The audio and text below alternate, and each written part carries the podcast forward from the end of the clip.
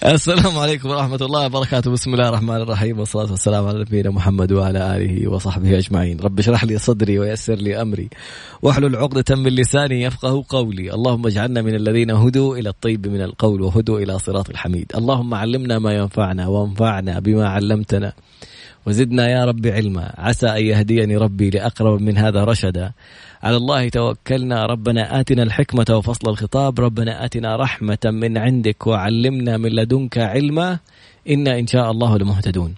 اليوم عودة بعد غياب يعني بصراحة تعليق على الأغنية كنا مشغلين الأغنية وبدأت أشغل live وجات تعليقات على تويتر. اكتب طراد أخو نوضة في تويتر أو طراد باسنبل تلاقيها عربي إنجليزي.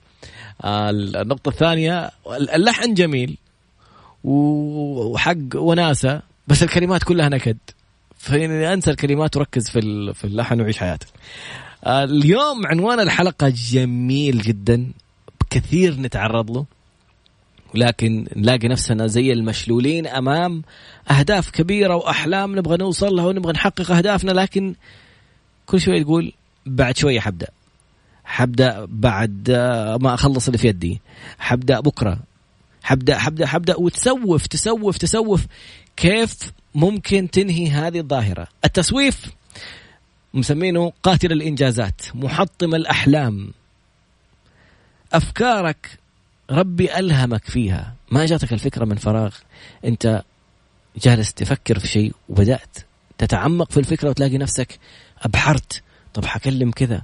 وحيجي آه سفير المملكة في في في الإمارات ويحضر.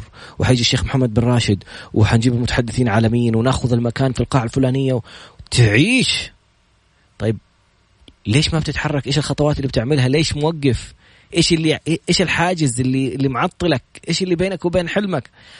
أول نقطة في بحث أطلقته شركة فوربس فوربس ماجازين أو مجلة فوربس تتكلم عن أن الموضوع أولا هو موضوع نفسي قلق قلق وضغط من الوضع الحالي مثل في الاختبارات أو في أي مشروع تكون داخل فيه كذا ومتوتر في ضغوطات مالية نفسية وقتية اقتصادية أسرية في مشاكل جاية عليك أو متخوف نوعا ما حاسس بقلق متوتر من شيء مجهول تلاقي نفسك تهرب بالتسويف. تهرب إنك تقول إن شاء الله بكرة إن شاء الله بعد بكرة بإذن الله الأسبوع القادم نهاية السنة مع السنة الجديدة. فهذه أول نقطة. أول سبب هذا من الأسباب يسموه القلق من الوضع الحالي إن كان اختبارات وإن كان أي ضغوطات تواجهك. السبب الثاني في الفقرة القادمة إن شاء الله حيكون الشعور بعدم الثقة. إيش اللي مخليك تسوف وتقول بكرة بعد بكرة بعد؟ سؤالك لنفسك هل أنا قادر فعلا على إنجاز هذا العمل أم لا؟ في الفقرة القادمة إن شاء الله. أعرف الأسباب وحنعرف حلول إن شاء الله لهذه الأسباب وخطوات عملية رائعة ممتعة. كيف ممكن تكسر حاجز التسويف وتنجز وتحقق الحلم الذي لطالما تمنيت أن تراه حقيقة؟ ستراه بإذن الله قريبا بعد قليل. وصلت رسالة جميلة على تويتر يقول والله أستاذ راد استفدت منك جدا لكن للأسف ما طبقت شيء إلى الآن. حنعرف ممكن يكون عندك السبب الثاني. اليوم جالسين نتكلم عن التسويف. لماذا نسوف؟ نتعلم ونشوف ونت... يعني الحلم اللي حلمناه الهدف اللي خططناه له ممكن يكون دفعنا فيه فلوس. بدأنا.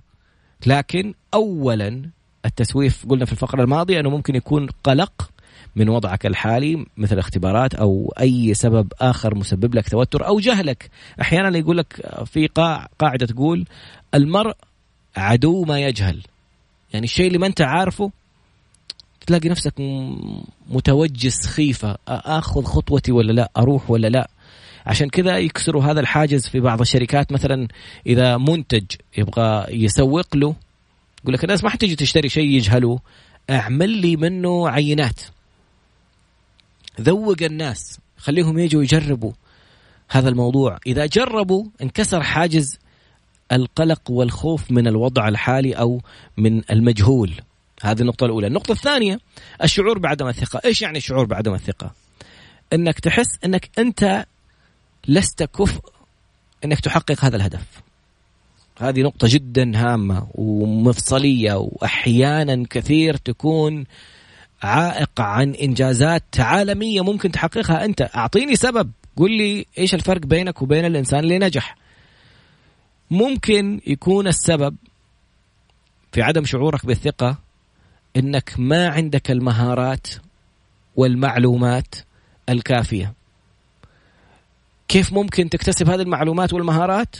في دائرة يسموها دائرة the competence confidence cycle يعني كل ما صرت إنسان أكثر جدارة تعلمت وتطورت ودخلت دورات ولا رحت اشتغلت مع الناس اللي سبقوك يعني الشخص اللي تشوفه يقدر يبدأ الله يرحمك ويغفر لك يا شادي زاهد. لما بدأ الوكالة حقته فينومينال كان موظف في شركة في أحد الشركات العالمية في العلاقات العامة. كونه اكتسب الخبرة وعرف العملاء وعرف آلية العمل وعرف العقود وعرف تكلفة الموظفين وعرف التراخيص وعرف هنا أنت صار عندك الثقة بنفسك. طيب أنا لوحدي جايب لهذه الشركة يمكن ربع مليون نص مليون. كيف لو صرت أنا صاحب الشركة وعندي نشاط الخاص بي؟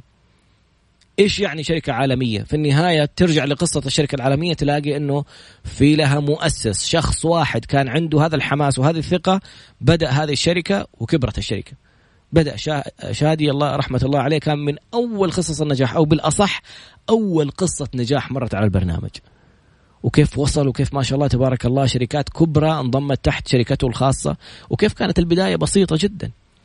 ليش؟ كيف بدأ؟ كيف كسر حاجز التسويف؟ إنه اكتسب ثقته بنفسه. كيف اكتسب ثقته بنفسه؟ اعمل وتعلم ممن سبقك في النجاح. فإذا حسيت نفسك لست كفء حاس نفسك إنه عندك عدم ثقة بالنفس إنه هل ممكن أنجز في هذه النقطة أم لا؟ روح اتعلم. شوف الشخص اللي ياخذ شهادة أكاديمية إضافية. ياخذ دورة تدريبية. ثقته بنفسه تختلف. شوف لما تدخل دورة طبخ. واحد يجي يقول لك والله أحد يعرف يعمل سليق؟ ترفع يدك أنا. دوبي اخذ الدورة.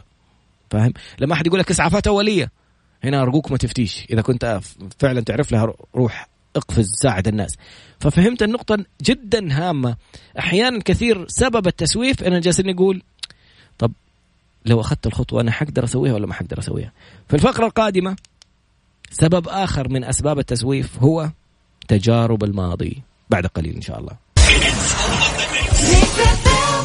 عدنا مرة أخرى. رسائل جميلة جدا على تويتر و نسينا نذكر برقم الواتساب صفر خمسة أربعة ثمانية وثمانين واحد واحد سبعمية. عدنا مرة أخرى. موضوع اليوم جدا مهم جدا رائع وممتع وأنا استفدت منه شخصيا بشكل كبير جدا وساعدني بعد فضل الله على إنجاز أشياء كنت أتخيل أنها مجرد أحلام. التسويف. داء قاتل للأحلام والإنجازات. في بحث لمجلة فوربس نشرت فيه تحليل لموضوع التسويف. قالوا أول نقطة يكون سببها قلق وضع نفسي. الموضوع نفسي وسبب قلقك من اختبارات قلقك من من ضغوطات مالية قلقك من أي سبب يسبب لك القلق والتوتر يخليك تهرب إلى إنك تسوي أشياء ثانية. تلاقي نفسك وقت اختبارات جالس تتفرج تلفزيون نتفلكس وما ادري إيش. يا عمي اختبار وراك ذاك. بعد شوية بعد المغرب بداية الأسبوع الجاي إلين تلاقي نفسك خلاص ما قدامك إلا بكرة الاختبار تبغى تذاكر كل حاجة. النقطة الثانية والسبب الثاني الشعور بعدم الثقة. أنت حاسس أنك لست بكفء أنك باستطاعتك تحقق هذا الإنجاز. وقلنا في الفقرة الماضية everything is learnable كل شيء قابل للتعلم. الفقرة الثالثة أو السبب الثالث هو تجارب الماضي. إيش يعني تجارب الماضي؟ خذ على هذا الموضوع أشياء كثيرة جدا. إنسان أو إنسانة دخل في علاقة زوجية فاشلة خرج من هذه العلاقة بمشكلة انفصل يبدأ يقول لك النسوان كلهم مدري مين الزوجة ولا المطلقة ترجع تقول لك ممكن الرجال كلهم. ابدا ما هو مقياس إنك فشلت في اختيارك الأول إنك يترتب عليه فشلك في كل اختياراتك القادمة. نفس الحكاية في موضوع العمل. يعني كونك إنك بدأت مشروع وفشل المشروع 80% من المشاريع الصغيرة تفشل في أول سنة ونصف لأنه معظمها يبدأ بداية خاطئة. ما يكون تعلم. يعني لو أخذنا مثال على Phenomenal PR شركة معروفة والله يرحمه ويغفر له شادي زاهد بداها واسسها الفكرة إنه لما بدأ بطريقة صحيحة مو بس صار عنده الثقه بالنفس صار بادي بداية صحيحة. فاهم من فين ياخذ المكتب؟ أخذ المكتب إيجار بالآجل. ما دفع في البداية. جاب واحد من حقون المفروشات من عملائه اللي يعرفهم فرش له المكاتب بالآجل. يعني ما كلفوا شيء. الأجهزة الكمبيوتر أخذها بالآجل. قال لهم نهاية السنة أسددكم. فمن فين جاب هذه المعلومات؟ من فين جاب هذه الخطوات؟ فين عرف يجيب ال softwares وال computers والأجهزة والمفروشات والمكان والمكتب واختياره؟ وكيف يبدأ يكلم العملاء؟ ما ما فشل في التجربة اللي قبلها عشان أنا أنا ضد فكرة الفشل أول درجات النجاح. أحيانا هذه المقولة تخلي الإنسان يفشل ويبدأ بطريقة خطأ ويفشل ويرجع يعيد نفس الخطأ ويفشل ويعيد نفس الخطأ يقول لك سأستمر إلى أن تتحقق. يا عم الحق غلط. اللي أنت بتسويه غلط. ما انت جايب محاسب ما انت حاط نظام حق مبيعات ما عملت حملة تسويقية ما عملت ميزانية تسويق ما انت جايب تراخيص ما انت جايب عمال صحيحين ما انت عامل حساب على أشياء كثيرة جدا ما عملت حساب التراخيص ما أشياء كثيرة جدا انت بدأتها بشكل خاطئ. فأعلم أنك إذا أخطأت في أمر ما أو فشلت في تجربة ما فقد تكون فعلت شيء بطريقة خاطئة. وحسألك إذا أنت أخطأت في تجربتك الحياة الزوجية أو العملية أو في صداقة أو في مشروع أو في وظيفة السؤال الأهم هل حتعيد نفس الغلط مرة ثانية؟ الطبيعي لا. فأنت ليش حكمت على نفسك أنك ممكن تفشل في خطوتك القادمة؟ لأنك فشلت في خطوة ماضية. ماضيك لا يعني مستقبلك لا تربط أخطاء ماضيك بأنك أنت إنسان ممكن تكررها في المستقبل. فأرجوك لا تجعل تجارب الماضي وهي أحد الأسباب الأهم في جعلك تسوف وتؤجل أهدافك وأحلامك. إنه تجربة لك تجربة في الماضي كانت غير صحيحة أو غير ناجحة فصرت خايف. دماغك بيقول لك فكرة العلاقة فكرة الزواج فكرة المشروع فكرة الوظيفة فكرة إنك تصير مدير فكرة إنك تتحمل مسؤولية فكرة غير ناجحة فاكر؟ أو الدماغ يبغى الراحة.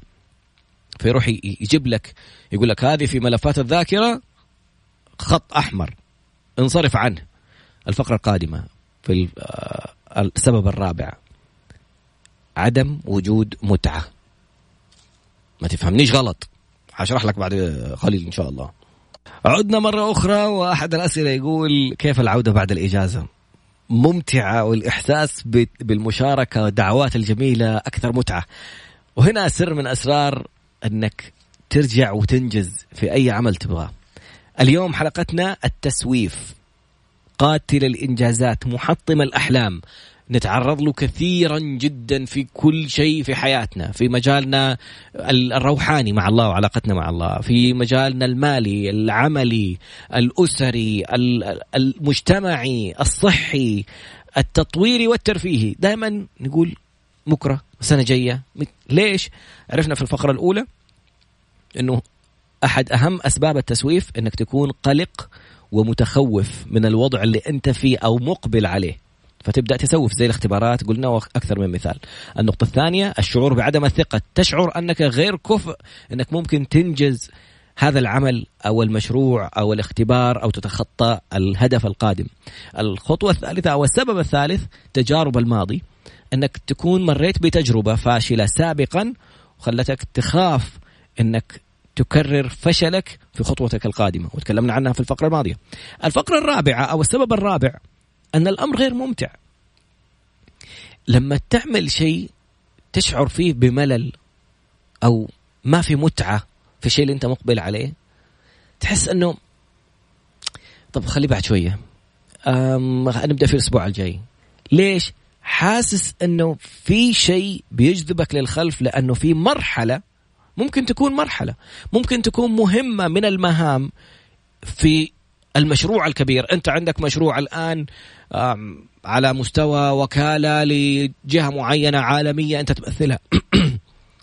النقطة الأولى نقطة أنك حتروح تقابل الشركات أو تعمل فكرة تسويقية أنك تكتب نص تسويقي عشان تصور فيديو تعريفي. تصوير الفيديو مثلا فكرته جميلة بس كتابة النص وجلب الكاميرات وفريق العمل هذا الشيء يسبب لك صداع ما لك نفس تدخل في هذا المجال أو هذه النقطة بالذات. فهذه هذه الخطوة أو السبب يخليك تأجل أشياء كثيرة أنت ممكن تستمتع فيها بسبب إنه في مرحلة من مراحل العمل أنت ما أنت مستمتع فيها. كيف ممكن نحدد هذا الموضوع؟ يسموها pinpoint the pain يعني إيش؟ حط إيدك على الألم. فين يألمك؟ قل لي إيش اللي مو مخليك تاخذ هذه الخطوة؟ حيقول لك بالله الحين مين مين يصور لي ومين يكتب لي ومين فين المكان اللي أصور فيه؟ سلم هذا الموضوع لشخص حتى لو تعطيه فلوس. كلم فيصل الزهراني. فيصل أبغى مصور ومخرج وكاتب نصوص وأبغى هذه الفكرة وأبغى ورشة عمل نسويها.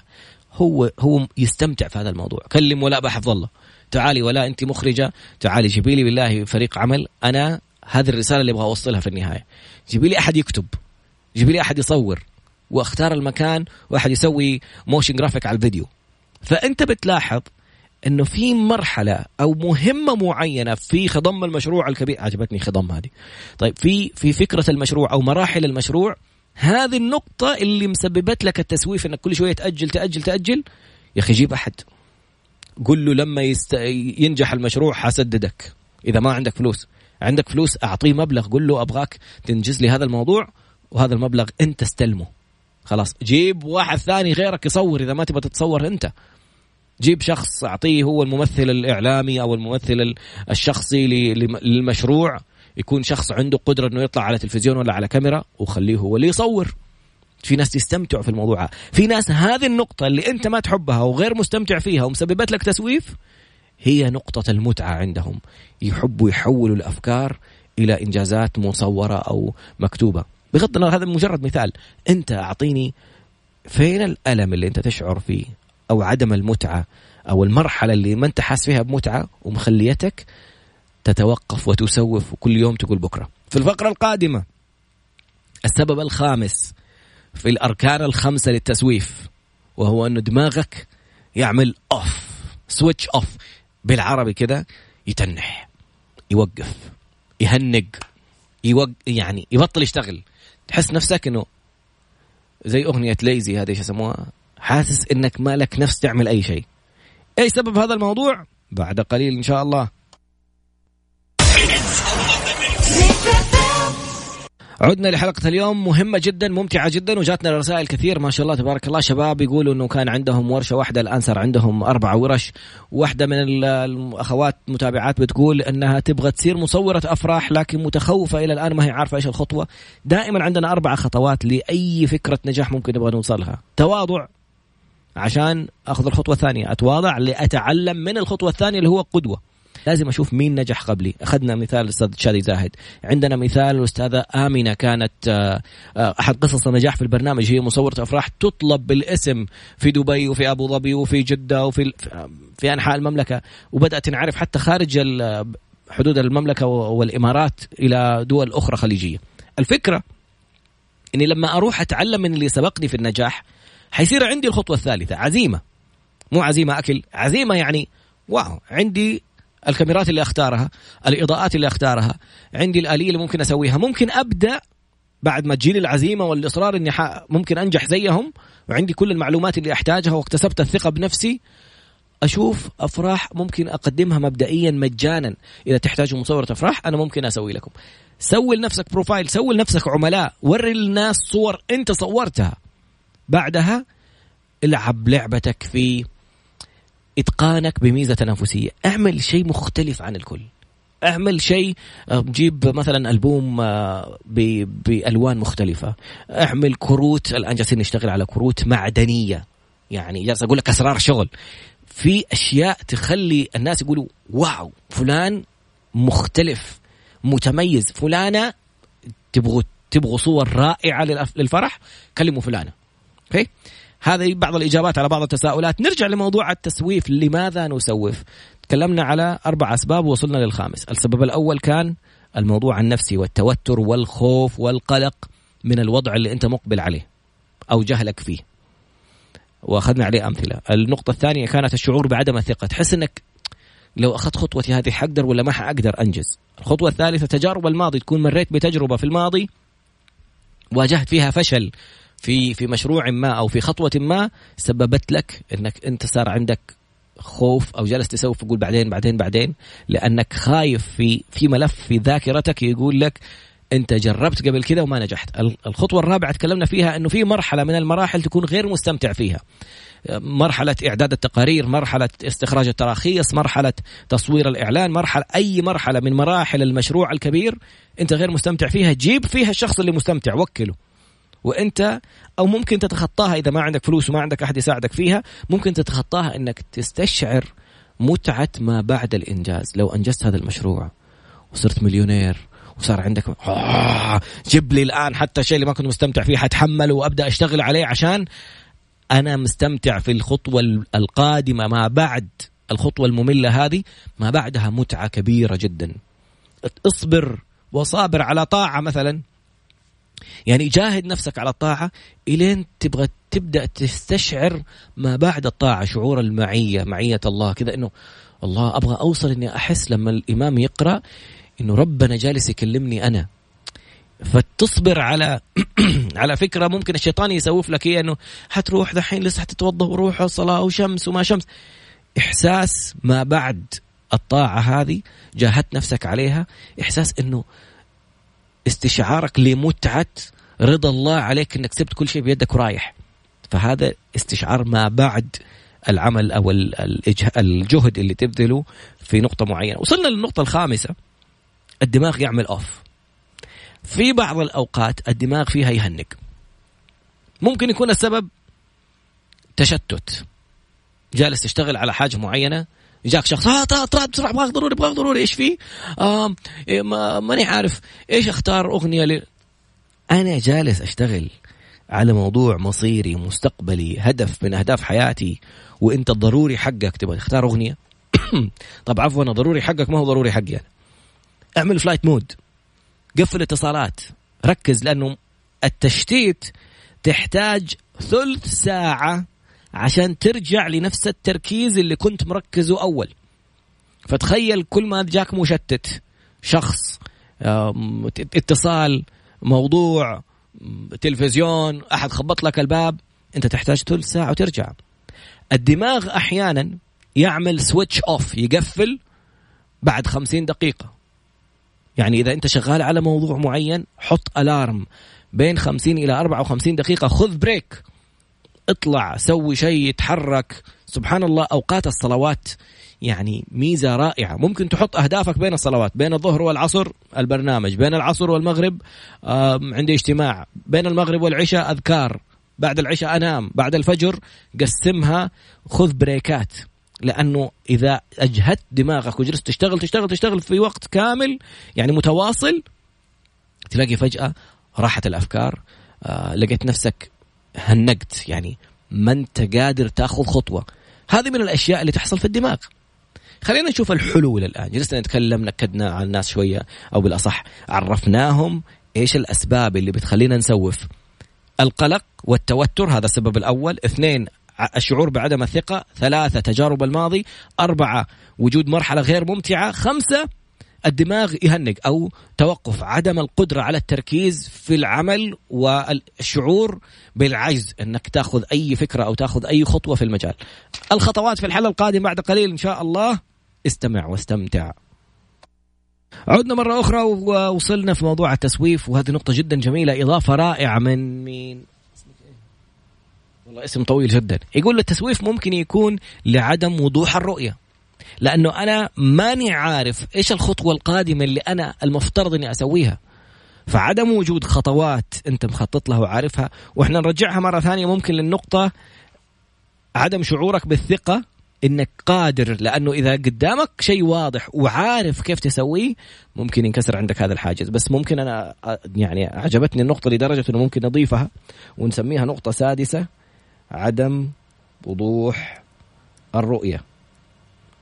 حتقول لي بلا أحد من المستمعين بيعطيك حاجة وتروح تضيفها على المحتوى حق فوربس مين فوربس ماجازين بني آدم واحد سوى بحث وجالس يطلع فيه خطوات وأنا شايف عدم وضوح الرؤية والخطوة القادمة أقوى من مجرد عدم الشعور بالثقة. هذه شكرا جزيلا يا ما أعرف اسمك جدا طويل لكن شكرا جزيلا سواء كنت رجلا أم امرأة. فعدم وضوح الرؤية عدم معرفتك إيش الخطوة القادمة إيش الشيء اللي اللي أنت مقبل عليه يخليك تسوف. طيب بكرة خلاص. طب خلينا نشوف. طب ممكن إيش يصير لما يكون الموضوع واضح أقدر آخذ خطوتي. خلينا نوصل للحلول. solutions وضعوا خمسة حلول للخمسة العقبات أو التحديات أو الأسباب المسببة للتسويف. وعندي ثلاثة اقتراحات أخرى زي ما أضافت الأخت ولا الأخ اللي أضاف لنا عدم وضوح الرؤية. عندنا إضافات على موضوع البحث حق مجلة فوربس عمرك لا تخلي اسم يخوفك أو يبهرك أو يخليك تحس أنك يعني هم هذول قالوا كذا خلاص هو البحث قال كذا بحث قرآن هو نزل ما ما ما يتغير في شيء لا يأتيه الباطل من بين يديه ولا من خلفه. الحلول واحد breakthrough إيش يعني breakthrough اكسر. اكسر اكسر حاجز الخوف بأنك تقدم على الشيء علي بن أبي طالب رضي الله عنه يقول إن خفت من شيء فقع فيه ارمي نفسك فيه. فإن شرا من الوقوع فيه توقيه. كونك تقول لا طب يعني ممكن أنجح م... يا عمي روح جرب. ما نجحت. أنت رجعت للوضع اللي أنت أصلا موجود فيه. إنه ما في المشروع ده ما بدأت فيه.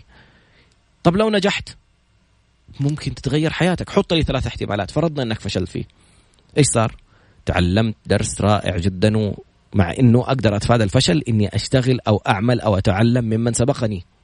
وأعرف الخطوات وأعرف كل المواضيع واضحة وأتفادى الخطوات اللي تكلمنا عنها أقدر أنجح. طيب الاحتمال الثاني قلنا الاحتمال الأول ممكن تفشل الاحتمال الثاني تنجح. وتنجح بشكل عادي يعني حققت التارجت قفلت الالتزامات الأساسية. الاحتمال ال ال الأخير إنك ممكن تحقق نجاح باهر. كل اللي كنت تحلم فيه الشيخ محمد بن راشد يجي وترك الدخيل يجي والشركات يجوا وتصير الدنيا كلها تتكلم عن مشروعك. ممكن يصير ممكن ولا مو ممكن؟ ممكن. خلينا نبدأ ونشوف. ناخذ الخطوة ونشوف في الخطوات القادمة إيش ممكن يحصل. ويعني أكاد أجزم أنه 90% أو أكثر من ضيوف البرنامج لما سألناهم هل كنت تتوقع الشيء اللي أنت وصلت له؟ أول ما بدأت يقولوا لا. وصلنا إلى أبعد مما كنا نتخيل لأنه مجرد ما تنجح وتبدأ في قاعدة لنابليون يقول لا تنتظر الكمال ابدأ بما في يديك وستجد على الطريق ما يساعدك للوصول إلى القمة. ليش؟ لأنه وأنت بتدخل تلاقي واحد يقول لك أنا أنا أصلا أدرب مع حكومة دبي أقدر أجيب لك عملاء. أنا إذا أنت بتعطي نسبة للتسويق يعني اللي يجيب لك أحد أو يدل عليك أحد أنا ممكن أجيب لك شركات وأخذ عمولة. أعطيه عمولة يا عمي أنت بتعطيه مثلا 2.5% ضاعفها خليها 5% مقابل أنه حيجيك مبالغ ثانية أضعافها. فاكسر الحاجز ارمي نفسك فيه. مجرد البدء وكسر الحاجز قارن الوقت اللي جالس تهرب فيه بالوقت اللي كان ممكن تنجز فيه. يعني إيش؟ هربك دائما بيكون فين؟ نتفليكس سناب شات تويتر يوتيوب أول ما تدخل على يوتيوب ولا أي وقت طالع في الساعة. أنا فتحت سناب شات. شوف كم راح من الوقت وإنت جالس على سناب شات ولا على تويتر ولا على يوتيوب ولا على إنستغرام ولا على نتفليكس. احسب الوقت هذا وطالع في مشروعك. هذا الوقت لو أنا جلست على المشروع وبدأت كم كان ممكن أنجز فيه؟ فهمت القصد؟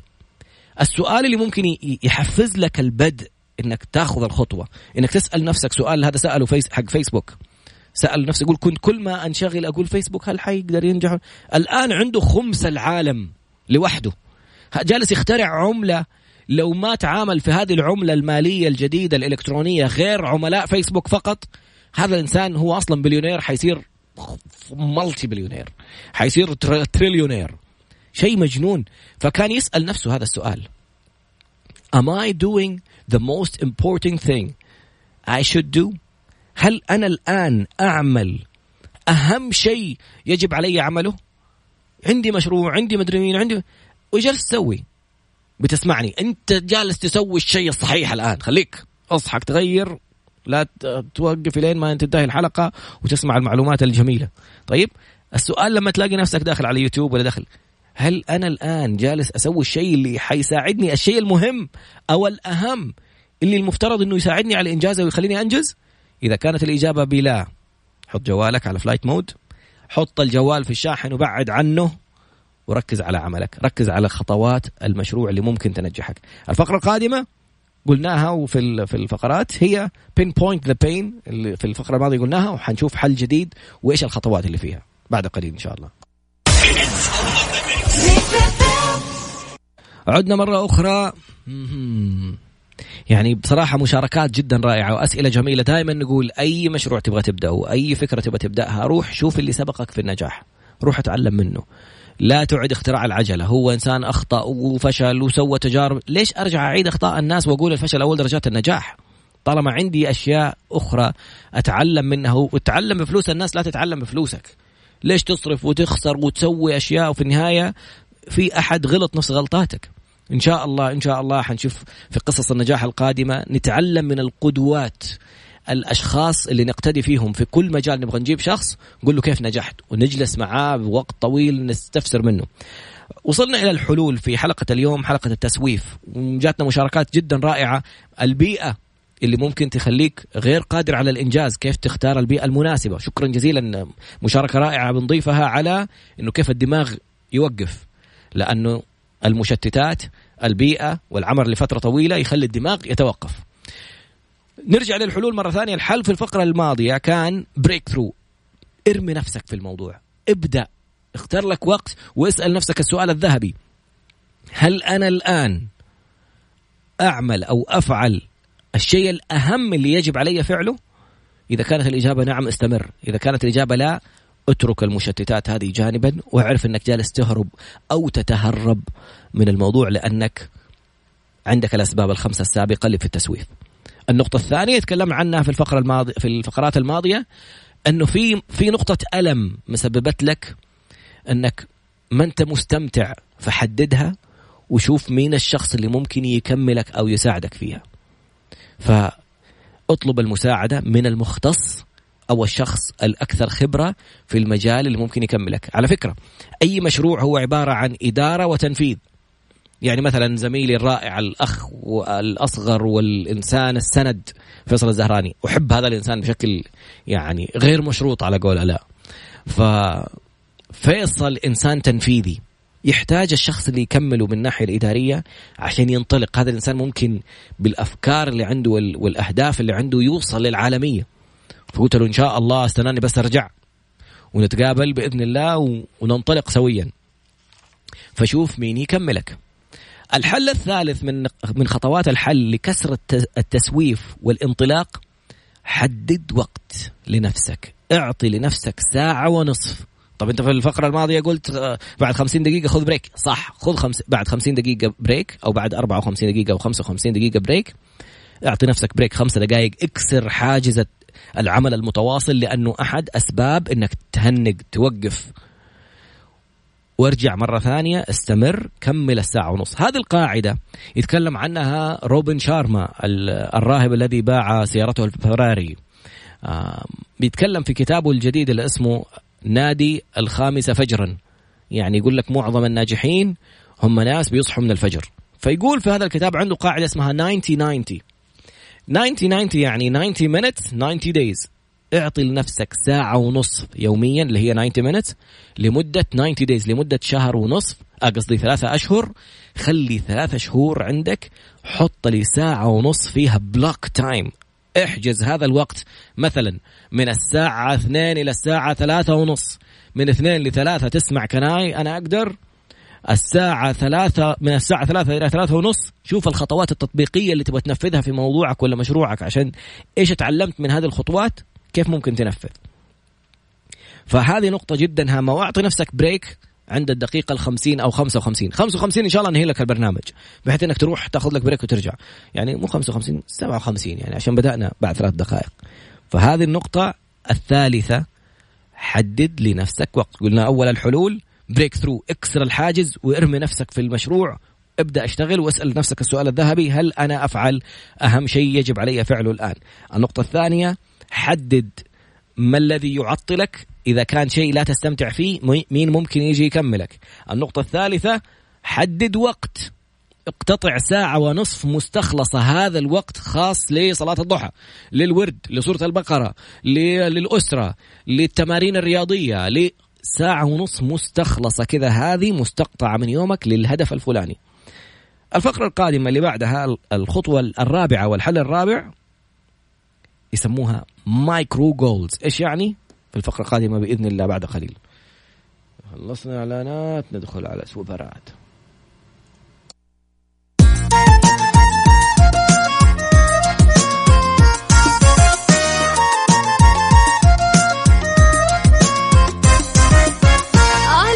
افهم عالم ثاني وجو جديد. يرفع أجمل كلام وأجمل معاني. مع برمجنا راح تلقى فلا عالم كلام معاني. راح تلقى فله ملها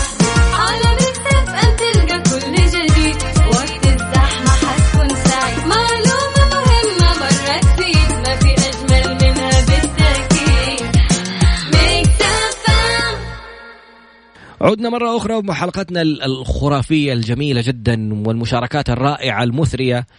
موضوع التسويف قاتل الأحلام محطم الآمال.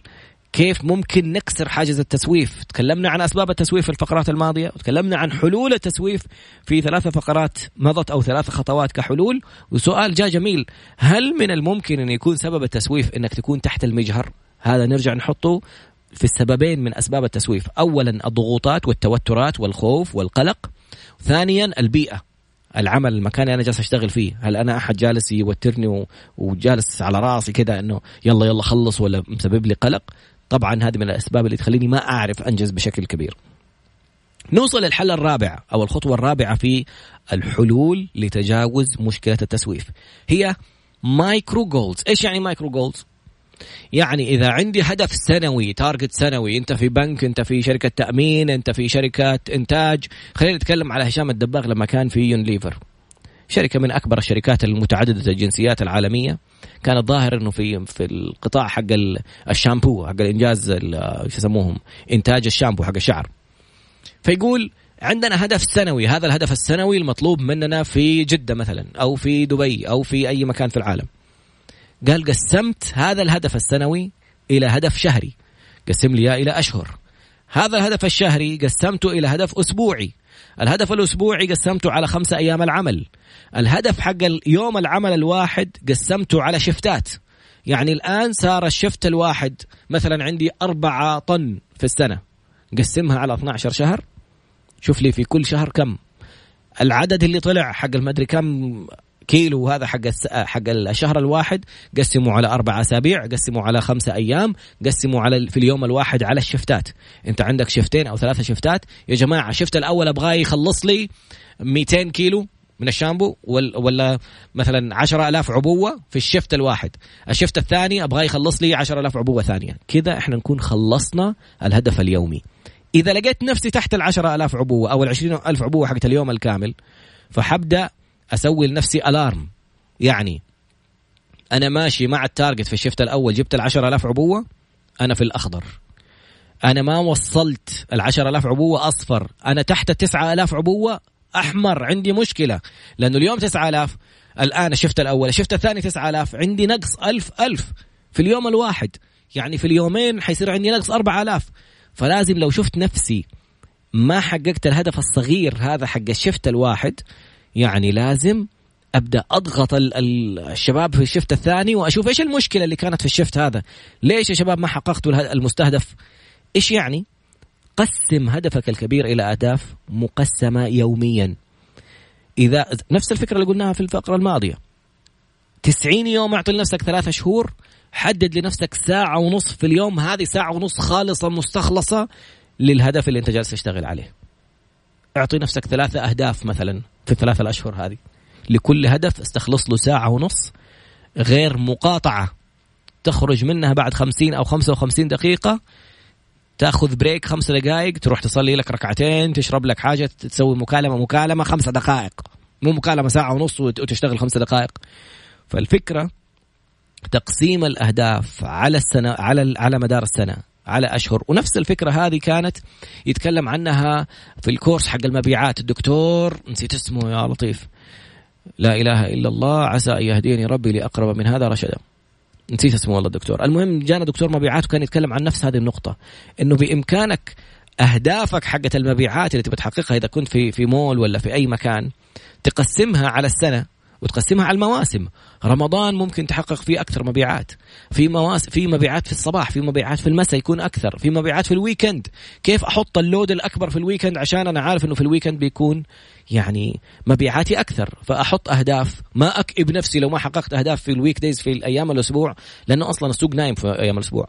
يشتغل أكثر في ال weekend. كيف م... على حسب طبيعة عملك على حسب المستهدف منك على حسب ال target اللي تبغى تحققه قسمه على أيام قسمه على على السنة على أشهر على أسابيع على أيام على ساعات.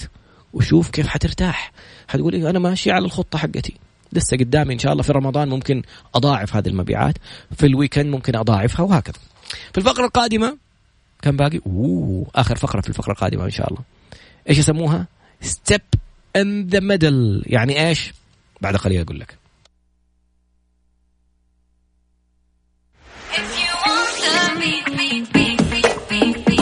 أنت تستمع إلى ميكس اف ام راديو ميكس اف ام ميكس اف ام راديو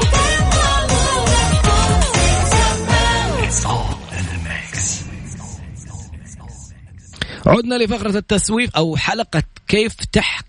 تكسر حاجز التسويف. وتكلمنا عن الأسباب وتكلمنا عن الحلول. وصلنا في مرحلة الحل الخامس من الحلول اللي تكلمت عنها مجلة فوربس العالمية في كيف تكسر حاجز التسويف. stop in the middle إيش يعني stop in the middle توقف في المنتصف.